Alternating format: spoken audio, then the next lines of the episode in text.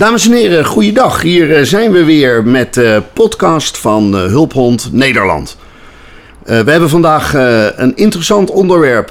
We gaan het hebben over de therapie en coaching van Hulphond Nederland. daarvoor geef ik even een kleine inleiding. we zijn in 2012 als organisatie begonnen met therapie en coaching. Therapie en coaching voor jongeren met ernstige gedragsstoornissen. Uh, om u even wat aantallen te geven, in Nederland uh, zijn er 430.000 kinderen die in jeugdzorg zitten. En u moet zich voorstellen dat daar dus nog een hele schil van uh, jongeren omheen zit die allerlei klachten hebben, maar nog niet in je, of nog niet of niet in jeugdzorg zitten. daarnaast is er ook nog een ongelooflijk getal van 300.000 kinderen die wekelijks ernstig worden gepest. En u kunt zich voorstellen dat eh, er dan ook een heleboel uh, kinderen, jongeren zijn die zo gepest worden, die daar blijvend schade van ondervinden. Uh, wij hebben in 2012 het plan opgevat om met honden therapie en coaching te gaan doen. Daarvoor therapeuten aan te nemen, mensen die afgestudeerd zijn in de menskunde, om het zo maar te zeggen. En eh, degene die dat bij ons eh, op poten heeft gezet, in 2012 bij Hulphond Nederland komen werken, is het hoofdbehandeling eh, van onze therapie- en coachingactiviteiten. En dat is Petra van Benten. Petra, goedemorgen. Goedemorgen Erik. Wat, uh, wat leuk dat je bij ons bent. Uh, uh, sinds 2012 heb jij hard gewerkt aan het opzetten van het programma.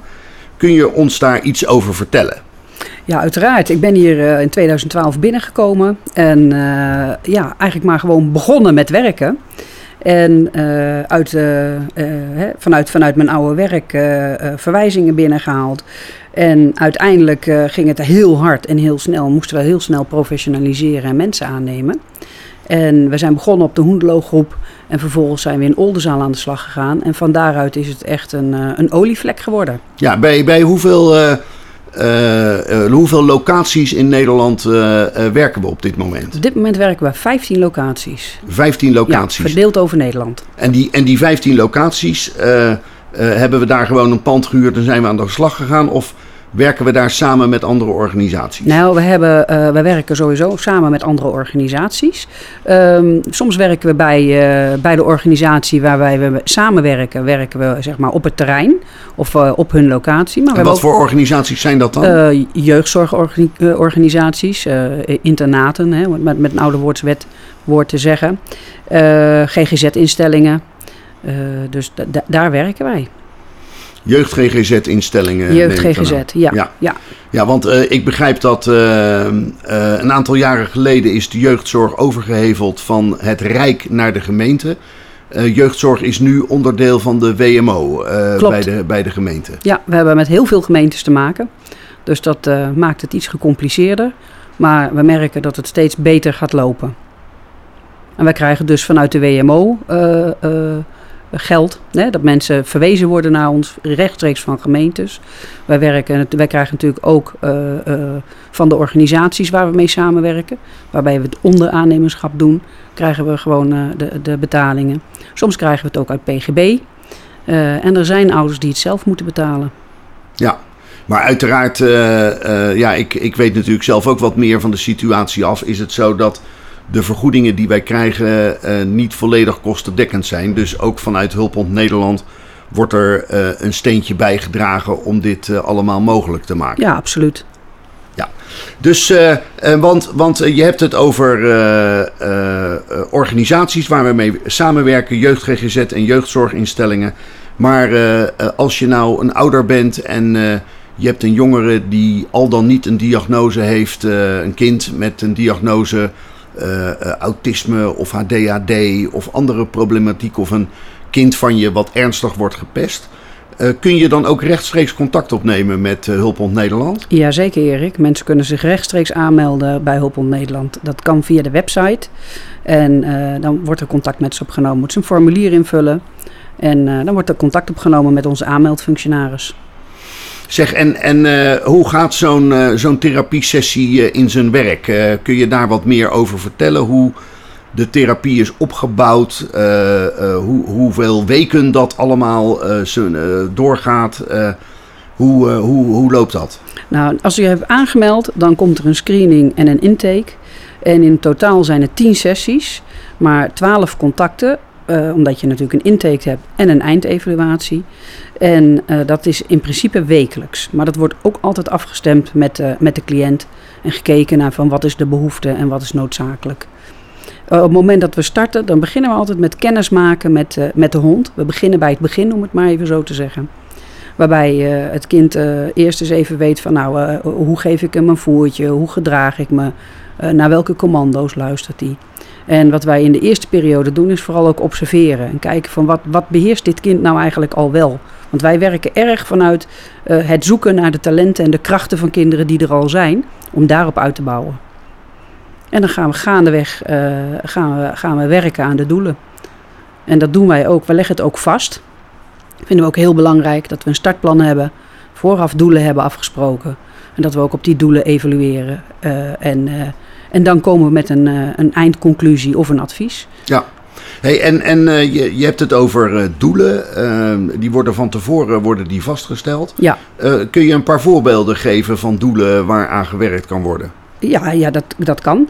bijvoorbeeld als ik boos word, um, trek ik mij even terug, bijvoorbeeld. Hè, dan gaat het over zelfregulatie. Ehm, of ik, kan, ik kan nee zeggen als ik iets echt niet wil.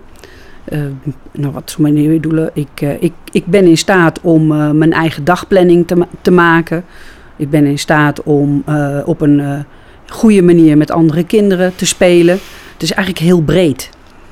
Ja, en, en geef dan eens een voorbeeld hoe, hoe je daaraan werkt. Wat, wat voor oefeningen doe je dan uh, met zo'n jongere, met de hond en de therapeut samen. Want dat, ik begrijp dat het, het is een driehoeksverhouding is. Dus ja. je hebt uh, de cliënt, je hebt de therapeut en je hebt de hond. En uh, ik haast mij altijd om te roepen dat de hond is niet de therapeut, maar de therapeut is de therapeut. En de hond is het hulpmiddel dat wij inzetten om bepaalde zaken voor elkaar te krijgen. Dus, ja.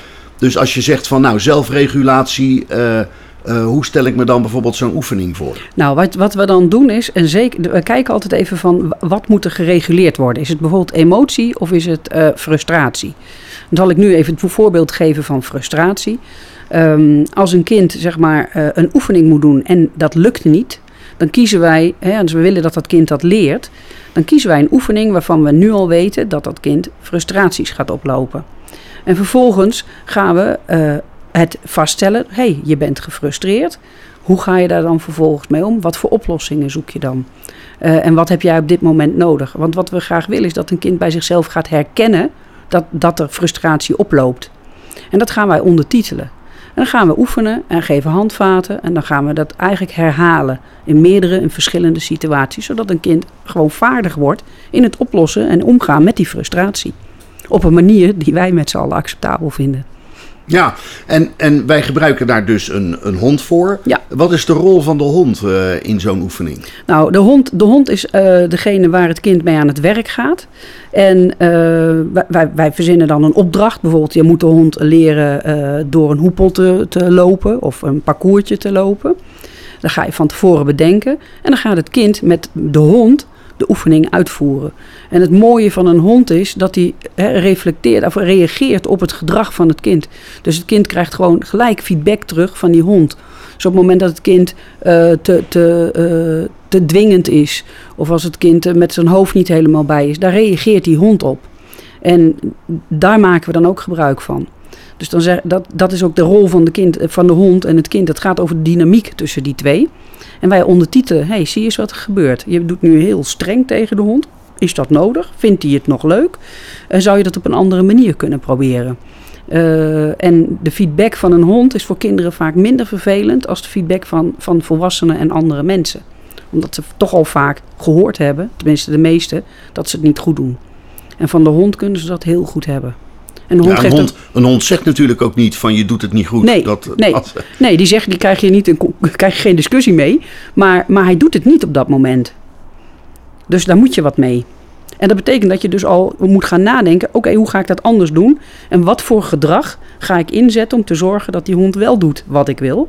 En uh, ja, dat, dat is natuurlijk ook wat ze moeten leren. Daar zijn ze gemotiveerd voor. Ja.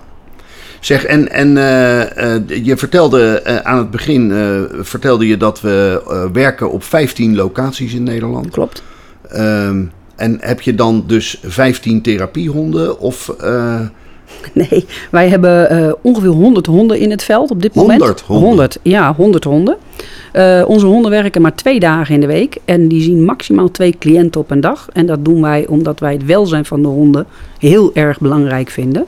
En de andere vijf dagen wonen ze in een gastgezin en uh, uh, zijn ze gewoon hond. de gastgezinnen brengen de honden iedere ochtend en ze halen ze ook s'avonds op. Dus dat betekent dat als wij op een locatie zitten, dat we minimaal drie tot zeven honden op een locatie hebben. Soms nog wel meer. Drie tot zeven honden? Ja. En, en kiest de therapeut dan de hond uit waarmee gewerkt wordt? Of kiest het kind de hond uit waarmee gewerkt wordt? Dat, dat wisselt nog wel eens. Um, uh, in principe uh, is de therapeut leidend in welke hond met welk kind gaat werken. Uh, maar je kan een kind ook een keus geven uit bijvoorbeeld twee of drie honden waarvan jij denkt, nou die zouden geschikt zijn en die zouden bij dit kind heel goed passen. En dat gaat ook om dat een kind zelf regie mag gaan voeren over, over de dingen die hij doet. Dus, ja, dus, het, woord regie is heel belangrijk volgens mij. Hè? Ja, dat is een heel belangrijk woord. Zelfregie. Daar waar het kan, dat je regie voert over je eigen leven en je eigen keuzes. Eh, passend bij de leeftijd en het, eh, het functioneren van een kind. Ja. Welke, welke leeftijdsgroepen bedienen we, Petra? Nou, soms al heel jong, maar gemiddeld zo vanaf 6 jaar tot uh, nou, 22, 23. De echte jeugd- en jongerengroep. En, en daarna, wat, wat uh, uh, ja, is het kind dan genezen of houdt het dan op? Wat, wat gebeurt er daarna dan? Nou, na onze sessies zie je over het algemeen dat kinderen heel veel handvaten en inzichten hebben opgedaan. En dan kom je dus ook weer bij regie en autonomie. Um, wij blijven niet door therapieën en coachen. Wat we heel belangrijk vinden is dat een kind handvaten heeft en dat we met ouders en het kind overleggen van is dit genoeg? En kunnen jullie er thuis mee verder? Of kan er vanuit andere hulpverlening ook weer op ingehaakt worden? Dus wij, wij willen het liefst kortdurende, kortdurende hulpverlening aanbieden. Omdat we vinden dat we daar ook de meeste klappers in maken. Er zijn uitzonderingen. Uh, en dat heeft dan te maken met hele complexe problematiek. Uh, waarin we vooraf al bespreken van joh, weet je, dit is zo complex, daar komt zoveel bij kijken. Daar hebben we meer sessies voor nodig. Maar in, ons gros is gewoon 12 sessies. En dan is het klaar. En dan is het klaar. En dan kan een kind weer verder. En dat wil niet zeggen dat ze dan al uh, genezen zijn, maar wel een stukje beter. En dat zij uh, weer zelf verder kunnen met hun leven en dat kunnen uitbouwen. Daarom betrekken we ook heel vaak ouders erbij. Omdat je natuurlijk niet wil dat ze het alleen maar bij ons kunnen en met een hond. Maar je wil natuurlijk dat het generaliseert naar mensen en naar andere situaties. En daar hebben ze ouders ook heel hard bij nodig. En school. Ja, dus niet alleen de ouders, maar ook de school en eigenlijk de hele omgeving ja. uh, uh, van het kind. Ja. Uh, moet op een of andere manier ook voor, het, voor de jongeren zelf zodanig in kaart gebracht worden dat ze met al die verschillende groepen beter leren omgaan. Ja, dat, ja en dat, dat ze ook gesteund worden bij de verandering. Ja. Hè? en ik zeg altijd, een kind staat nooit op zichzelf. Kind, een kind is onderdeel van een systeem. En als je het kind uit het systeem haalt en met het kind aan het werk gaat zonder het systeem, dan verander je vaak niks. Dus het hele systeem eromheen neem je mee. Juist, en dan verandert er wat. En dan verandert er wat. Het is ongelooflijk. Leuk hè? Ja, het is, uh, het, het is superleuk. Het, het, ik heb ook wel uh, uh, gehoord dat, dat, dat. En ik weet dat natuurlijk, maar dat we fantastische resultaten bereiken met heel veel kinderen. Klopt, ja. Krijgen, krijgen we ook echt terug. Ook van Centrum Jeugd en Gezin. Krijg je regelmatig een mailtje dat mensen heel tevreden zijn. We krijgen het terug van de, de samenwerkende partners. En van de ouders en de kinderen zelf. Ja. Nou, dat is fantastisch om te horen. Petra, voor, uh, voor nu uh, wil ik jou heel hartelijk bedanken voor de informatie die je ons hebt uh, verstrekt. En wellicht dat wij in de nabije toekomst nog een keer verder praten. Nou, lijkt me leuk Erik. Dit was de podcast over therapie en coaching. ik dank u heel hartelijk voor het luisteren naar dit verhaal. En tot een volgende keer. Tot ziens. Dag.